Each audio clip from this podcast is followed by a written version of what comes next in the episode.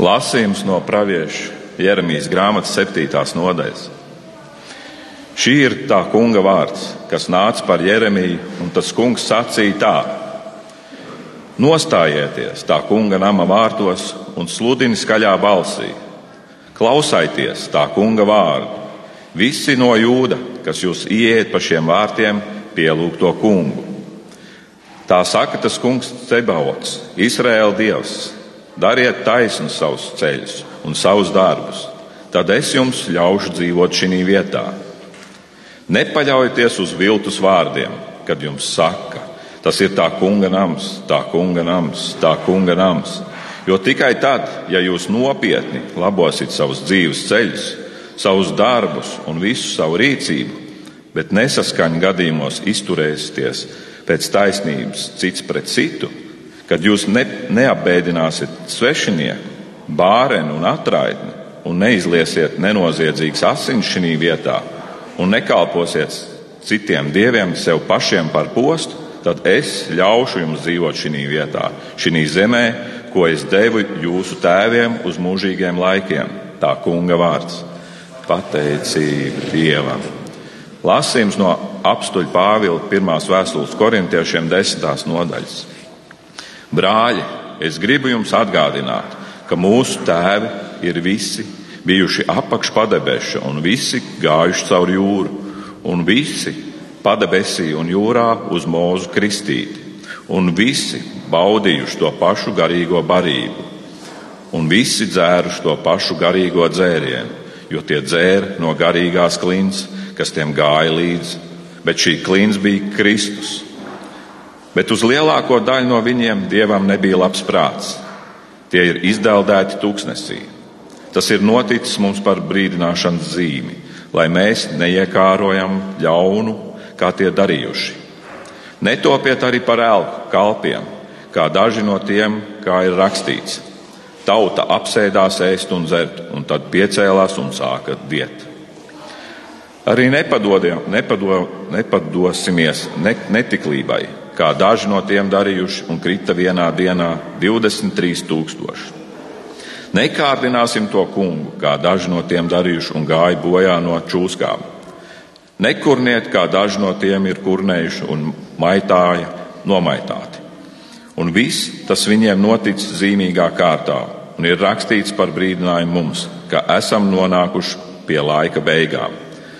Tādēļ, ka šķietas, šķietas stāvam, lai pielūko un nekrīt, jūs nemeklējat vēl tikai cilvēcīgs pārbaudījums Dievs ir uzticīgs. Viņš neļaus jūs pārbaudīt pār pār jūsu spējām, bet darīs pārbaudījumam tādu galu, ka varat panest. Tā kunga vārds - pateicība Dievam. Lasījums no Kunga Jēzus Kristus evaņģēlija, ko ir pierakstījis Svētais Lūkas.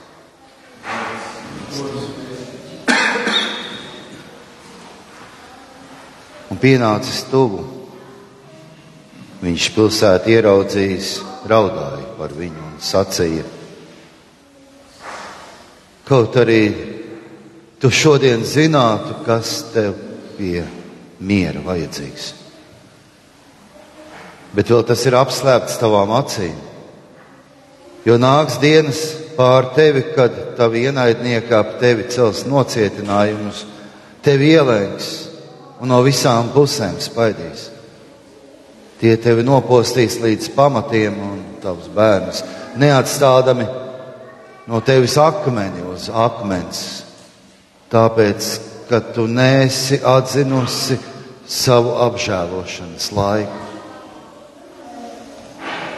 Pēc tam viņš iegāja templī un sāka izdzīt pārdevējus, sacīdams uz tiem, ir rakstīts, mans nams ir lūkšanu nams bet jūs to esat pārvērtuši par laupītāju bedri.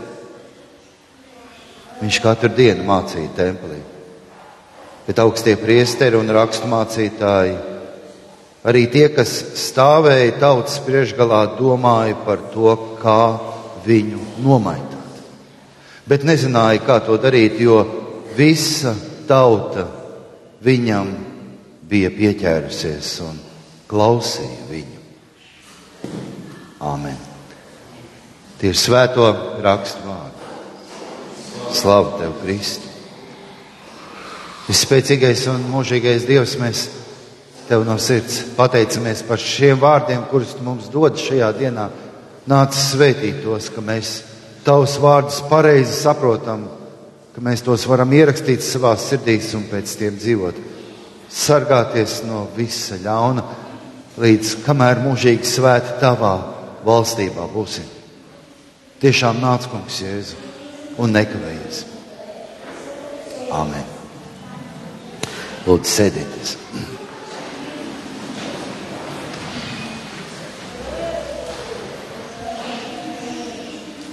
Mūsu šās dienas evaņģēlīja lasījumam ir, varētu teikt, trīs daļas. Vispirms Jēzus pravieto un raud par Jeruzālēmas pilsētu. Pravieto par viņas iznīcināšanu. Otrā daļā Jēzus izdzen tirgotājus no tempļa, viņiem saukdams un teikdams, ka jūs esat man tēvu namu pārvērtuši par laupītāju bedru. Un trešais, viņš katru dienu nāca svētnīcā un mācīja tur ļaudis. Un priesteri un rakstu mācītāji domāja un visādos veidos plānoja, kā viņu iznīcināt. No vienas puses diezgan dīvaini, dažādas, trīs dažādas lietas, ļoti šķautnainas, ļoti īpatnējas. Šķiet, ka nekāda saikne savā starpā šķietami nav tomēr faktiski tās ir ļoti cieši sasaistītas. Tad, kad mēs lasījām pašu pirmo šo daļu, kurā Jēzus raud par Jeruzālemi, teikdams, kaut tu šodien zinātu, kas tev pie miera ir vajadzīgs. Tas gan ir apslēpts tavām acīm, tomēr nāks dienas, kad ienaidnieki pār tevi cels nocietinājumus, tev ielenks, tavus bērnus nogalinās no visām pusēm, spaidīs, neatstās akmeni uz akmeni, līdz kamēr tu nebūsi nopostīta. Tāpēc, ka tu neesi atzinusi savu apžēlošanas laiku. Jāskata, jāsās arī tas laiks, kad Jēzus šos vārdus saka, proti, tas bija, viņš tuvojās Palmas svētdienā Jeruzalemē, Taisni pirms šī lasījuma notikuma viņš gatavojās iejāt Jeruzalemē uz ēzeļa mātes kumeļa, un jau pirms tam viņam sekoja ļoti liels sekotāju pulks, cilvēki, kas viņam sekoja līdzās, kas klausījās viņu. Un tā nu iejājot Jeruzalemē, Jēzus raud par viņu. Runā šo pravietojumu kā, kā spriedumu. Spriedumu par to, kāds kas notiks ar šo pilsētu. Tas ir līdzīgs tam, ko notikumam, kurā, ko darīja Jānis Kristītājs tūkstnesī, saugdams uz tautu atgriezieties no grēkiem, jo debesu valstība ir tuvu klāt pienākums. Arī šodien. Daudz tajā laikā domāja, ka Jeruzaleme tā ir pilsēta, Ir līdzīgi kā Dieva debesu valstība virs zemes. Tā ir vieta, kur Dievs apsolīja, ka Viņš nāks un dzīvos savā svētnīcā, savas tautas vidū. Un tāpēc cilvēki bija ļoti pārliecināti, ka viņi var nākt uz Dieva templi, nest tur savu pienesumu, nākt tuvāk Dievam un šādi izpelnīties no Dieva kādu labumu. Un tomēr jāatzīst, ka tikai retais arī tajā laikā īsti apzinājās un saprata, ka debesu valstība patiesībā jau nav tikai ārējās lietas. Debes, debes valstība patiesībā ir taisnība, miers un prieks svētajā garā. Tad, kad Jēzus jāja uz Jeruzalemi, Viņš bija atnācis, lai tur ienāktu Dieva valstī. Neiesaistot pašu Jeruzalemes pilsētu. bet gan ievadot tos, kas tic viņam. Kas tic viņam. Jēzus iet pilsētā, lai atrastu tur taisnību, kas nāks caur viņa krusta nāvi. Jēzus ienāk pilsētā, lai panāktu tur mieru, kas nāks caur viņa izlietajām asinīm pie krusta. Un šādi tiks izlīdzināta. Izlīdzinātas attiecības cilvēkam ar Dievu. Jēzus ienāk pilsētā, lai tur radītu prieku, kas nāk no īstenībā no tādas drosmes un uzticēšanās Dieva vārdam, kurā mēs lūdzam par šo pasauli mūsu debesu tēvu. Un tā Jēzus nonāk Jeruzalemes pilsētā, lai tajā ienāktu Dieva valstība.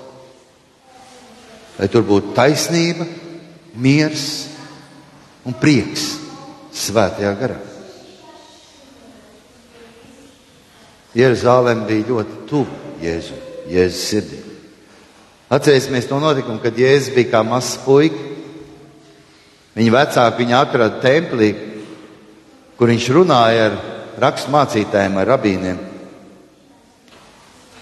Un tad, kad viņa vecāki pārmet viņam, kāpēc viņš tur ir palicis, Jēzus teica, ko jūs, kāpēc jūs meklējāt mani? Vai te jūs nezināt, ka man jādarbojas savu tēva lietās? Jēzus redzēja, kas bija noticis ar Jeruzalemes pilsētu, redzot to, kas notiek cilvēku sirdīs. Lai gan daudz viņu uzņēma ar prieku, joprojām bija daudz, kuriem šķita, ka var taču atpirkties. Ka var taču debesu valstības lietas pakļaut savām zemes vajadzībām. Un tāpēc, ja es saku, kaut kas šodien zinātu, kas tev pie miera ir vajadzīgs. Redziet,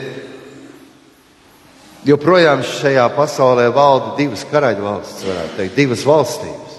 Laicīgā, pasaulīgā, tā ir valdība, politika, nauda, manta. To visu varētu vienā vārdā nosaukt mamons. Un ir Dieva valstība.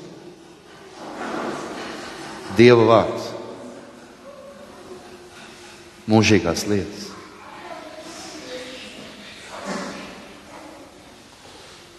Draudz. Tie noslēpumi, kas atklāti tiem, kur ir svētajā garā, svētie sakramenti. Dievs ir valdnieks pār šīm abām valstīm. Un abas valstības, zināmā mērā, mums šodien šajā pasaulē joprojām ir nepieciešams bet tās nedrīkst traucēt viena otru. Tā arī kā mums Latvijā pasaulē nav tiesības iejaukties baznīcas lietās, te jāļauj draudzēji Dieva valstībai brīvi uzplaukt.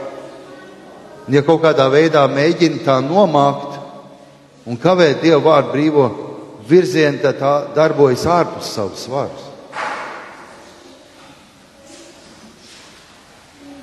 Tas nav pareizi, ka pasaules kārtība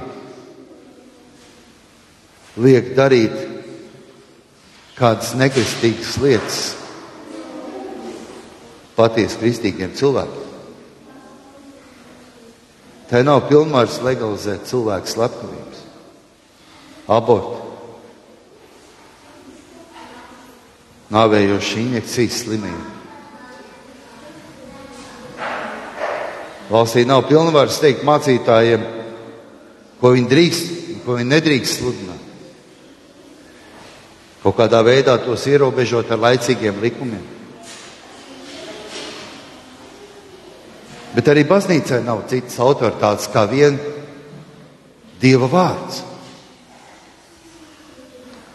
Visu, ko mēs darām, visu, ko mēs sakām, Mēs visi to darām Dieva vārdā. Mēs nevaram pielietot spēku. lai kaut ko darītu. Bet jāļauj, lai Dieva vārds dara savu svētījošo darbu. Reformācijas laikā to ļoti labi saprata mūsu baznīcas tēvs Mārtiņš Luters. Daudz cilvēku uzskatīja, ka Luters ir revolucionārs. Bet tas ir pilnīgi nepatiesi. Šajā jautājumā viņš nekad neiededzināja revolūciju pret valsts vai pret Romas katoļu baznīcu. Visu, ko viņš jebkad ir gribējis, ko ir darījis, ko ir sludinājis, ko ir, viņš ir skaidrojis Dieva vārda patiesību.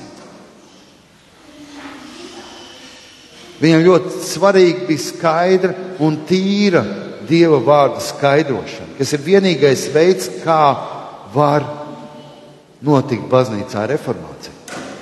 Protams, tas prasīja ļoti lielu pacietību. Luters dzīves laikā neviens, no, neviens no viņa kolēģiem kļuva fanātiski. Tad, kad Luters slēpās, viņi Viena daļa viņas sekotāji met ārā no baznīcām pilnīgi visu. Tas ir tāpat kā tad, kad Eiropas misionāri devās un, iznīc, un gāja iz, iznīcināt pagānu tautu elpus. Toties tad, kad Luters iznāca no slēptos un saprata, kāda sajūsma bija viņa draugam, viņš to ļoti asi kritizēja. Viņš teica, ka statujas nedrīkst izmest ārā tikai tāpēc, ka daži cilvēki tās ļaunprātīgi izmanto. Tikai tāpēc, ka daži cilvēki pielūdz sauli, mēnesi un zvaigznes, tas nenozīmē, ka tāpēc mums ir jāiet un tās jānoņem no debesīm. Tā teica Mārtiņš Luters. Mums vajadzētu sludināt pret elkiem, un elki kritīs viens pāri otram. To viņš arī saka par misionāriem. Sludiniet pret elkiem un ļaujiet cilvēkiem pašiem iznīcināt tos, kad viņi saprot savu grēku. Nekas netiek darīts ar spēku. Tas prasa milzīgu pacietību. Un tieši tāpēc Jēzus pravieto par Jeruzalemes iznīcināšanu. Viņš sludina pret pilsētas grēkiem, pret elkiem. Viņš saka, jau nāks dienas pār tevis, ka tavi ienaidnieki ap tevi cels nocietinājums, tie tevi ielenks no visām pusēm spaidīs. Tāpēc, ka tu neesi atzinusi savu apžēlošanas laiku. Šeit jāpatur prātā, ka Dievs neuzliek nekādus sodus. Viņš brīdina par to, kas sekos, ja tu ko nemainīsi. Ja cilvēki nožēlo, tad nav iemesla, kāpēc Dievs nevarētu mainīt savu prātu. Tieši tāpēc Dievs ir žēlsirdīgs. Kaut arī Viņš draud, kas sodīs, Viņš to nevienmēr īsteno, jo viņš to nevēlas. Un tas notiek tad, kad ir nožēla. Bet savukārt bieži vien tad kārdinājums ir klāts, un viņš saka, viņš jau to tā īsti nedomā. Viņš patiešām neiznīcinās šo pilsētu. Tā nenotiks. Tas tieši tāpatām, kad Ādams un Ieva krita grēkā. Šī čūska nāca, bet, Dievs jau taču neļaus taču nomirt jums. Tu iepazīsti taču, kas ir labs, kas ir slikts. Tā taču nenotiks. Jūs jau nemirsiet.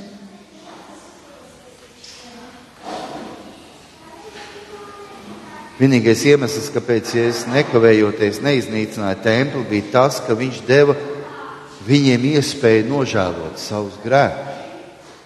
Ja mēs nopietni neuzņemam to, ko Dievs mums saka, tad mēs tieši tā arī dzirdam, kā Ādamam un Ievai šī čūska. tad nāk kārdinājums, tad nāk sirds cietība, tad mēs cenšamies izvairīties no Dieva vārda, tā patiesīguma, skaidrības, vienkāršības. Un tad notiek pirmais, ko Jēzus dara.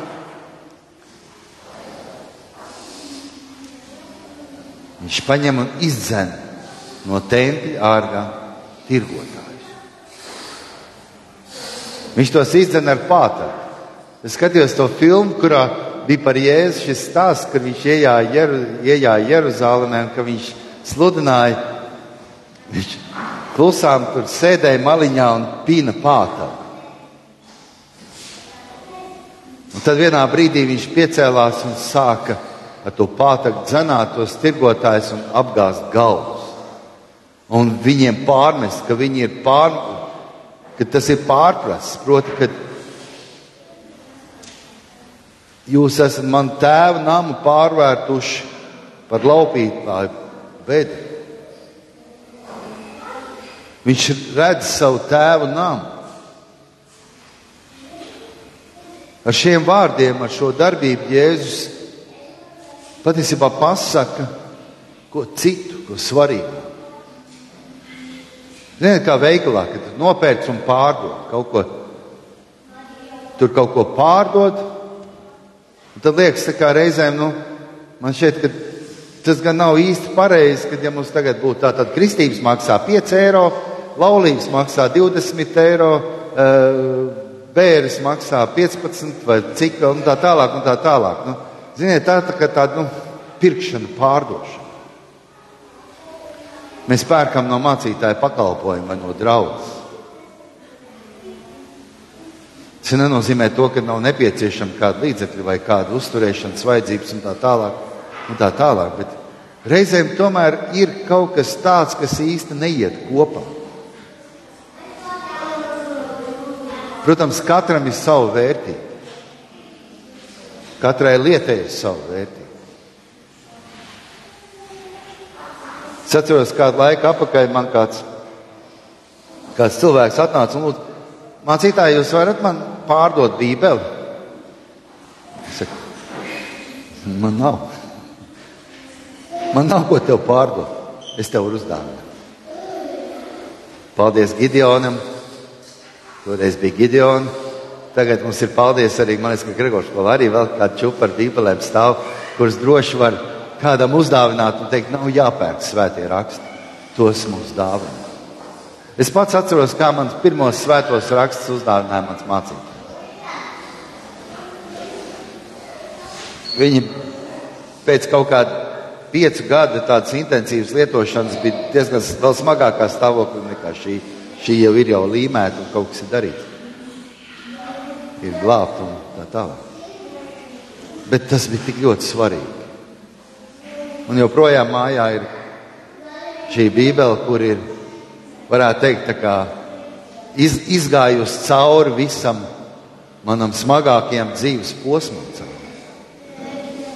Un tā ir lielākā vērtība. Nevis tas, ka tu aizej un nopēc kaut kādu ādas vākos, skaisti ietīt kaut ko tādu, liekas, lūk, tā ir simbolika, tas ir kaut kas ļoti, ļoti skaists, kurš ir jānoliek plauktā. Vēl vairāk kā Jēzus laikā cilvēks bija tik slīgs, ka īstenībā jau tad neko negribēja nest uz Jeruzalemi. Es saku, es to pat pie tempļa nopirkšu, un tad jau to upuru aiznesīšu, un tur arī viņu upurēšu. Nopietni. Līdzīgi tāpatām, kā varbūt cilvēki reizēm saka, atnāc uz baznīcu un aizdedzina svecīt par kādu man mīļu cilvēku kurš ir pie slimības gults vai ko es jums saku, kāpēc tu negribi atnākt un pats lūgt par viņu?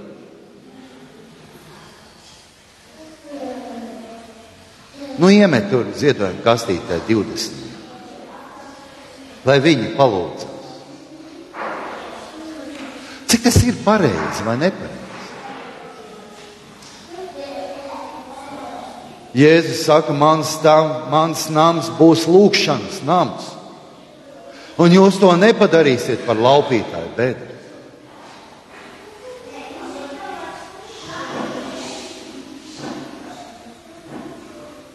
Es zinu, ka ļoti daudz lietas dievnamā notiek tikai tad, kad mēs lūdzam. Un tas notiek. Es atceros, kādu laiku apakaļ Jāņa baznīcā bija, kad iegrūti tie griezti.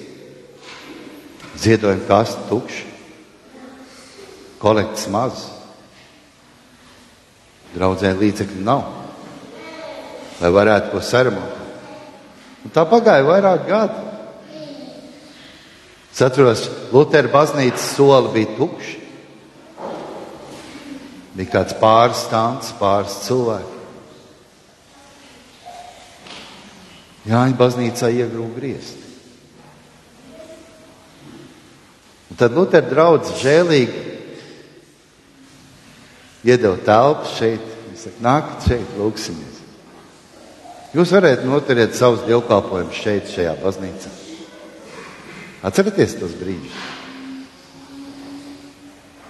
Un tad notika, ka arī šī draudzene kļuva aktīva. Jo arī Jāņa draugs bija līdzās, šeit bija. Nebija kur vietas, nebija kur mašīnas nolikt. Soli bija pilni divas reizes svētdienā. Gan no rīta, gan arī pusdienas laikā. Un visi lūdzām.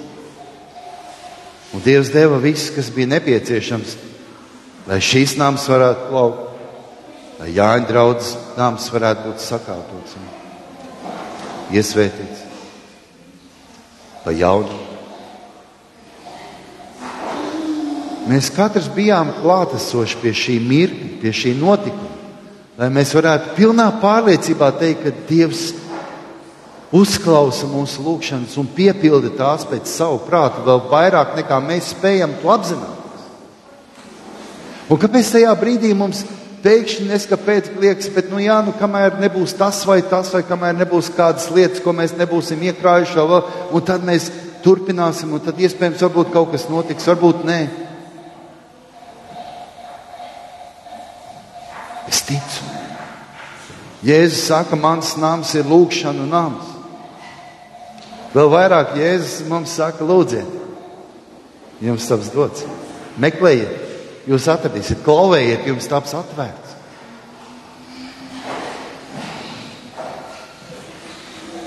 Dieva valstība neiegādājas viens otram pīrādzīgus. bet gan tos dod ar priecīgu sirdi ikvienam, kam tas ir vajadzīgs. Paldies par mājas dienasču. Paldies par visu, kas ir, ko tas debes tēvs, ko debes tēvs dāvā mums tik daudz, ka mums pietiek un vēl paliek, paliek pāri labām lietām. Paldies debes tēvam par to visu. Un tad trešais, pavisam īsi. Jēzus turpināja sludināt templī. Augstie priesteri un raksturmācītāji, tie, kas stāvēja tautas priekšgalā, meklēja, kā viņu vajadzētu, kā viņu varētu novākt. Kā viņu nomaitāt, nezināja, kā lai to izdarītu, jo visa tauta viņam bija pieķērusies un klausīja viņu. Jēzus māca, Viņš mums iedrošina katru dienu. Viņš dod mums visiem drosmi un iedrošinājumu lūgt Dievu. Viņš runā Dieva vārdus patiesi, no sirds, skaidri. Un tieši tāpēc man ļoti gribētos, ka katru reizi, kad es atnāku uz dievkalpojumu, kad es klausos, mācītāji, man tajā brīdī negribās gulēt. Man taisnība tajā brīdī gribās kaut šis Dieva vārds manī ienākt ar vien vairāk un vairāk, un es varētu apzināties to, cik ļoti es esmu gatavs spērt soli nezināmajā. Vai tā nav anekdote? Staigāt pa ūdens virsmu. Iespējams, ka daudz to zina. Kas par ticību? Bet kā tā ir patiesa skaidra ticība, ka mēs dodamies šajā ticības ceļā nešaubīties.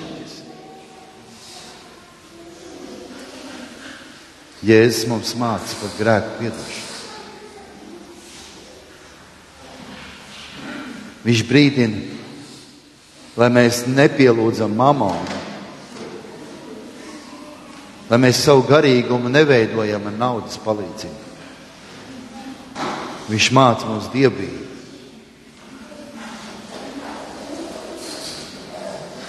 Viņš runā par Dieva valstību caur svēto garu, kas ir mūsos. Viņš māca mūsos apzināties dievbijības spēku. Šo lielo iegūmu, kas nāk caur ticību. Un tad tajā brīdī, kad mēs izlasām kaut vienu no psalmiem, vai jums gribās tajā laikā, momentā dziedāt? Kad mēs kaut vienu no psalmiem atveram un tagad lasām un gribās dziedāt. Tā dzied mūsu dvēseli. Tā dzied svētais gars mūsos, kas liek mums pacelties, kas liek iepriecināties, ka liek tajā brīdī, kad mēs izējām ārā no dievnam un mēs dodamies mājā, mēs varam līdzīgi kā, kā jaunekļi vienkārši skriet, cik labi. Es zinu, ka debes tēvs mūs mīl, ka viņš mums dāvās spēku no augšas, ka mēs varam atkal no jauna doties tajā ticības ceļā, kurā ir tik daudz viskaut kā, kas liek var mūs kaut kur aizvest, varbūt ne tur, un tomēr. Un tāpēc šodien Jēzus saka uz mums, kaut tu zināt, kas tev priekš mieri ir vajadzīgs. Es zinu, kas man ir vajadzīgs. Un to atklāja mūsu svētais gars. Tev vajag skaidru dieva vārdu. Tev vajag Jēzus svēto evaņģēliju. Tev vajag viņa svētos sakramentus. Un cik pārsteidzoši šodien, ka šodien būs pilns svētās sakramenta spektrs. Kristība un vakarēdienas.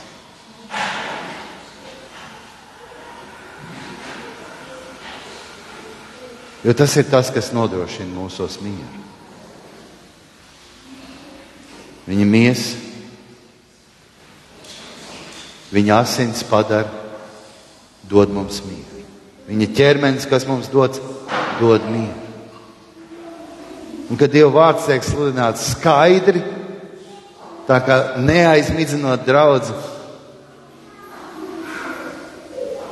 un vienkārši. Tad tajā brīdī eņģeļi priecājās par tiem, kas nožēlo un dzied.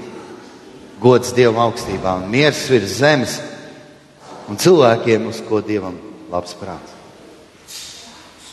Amen.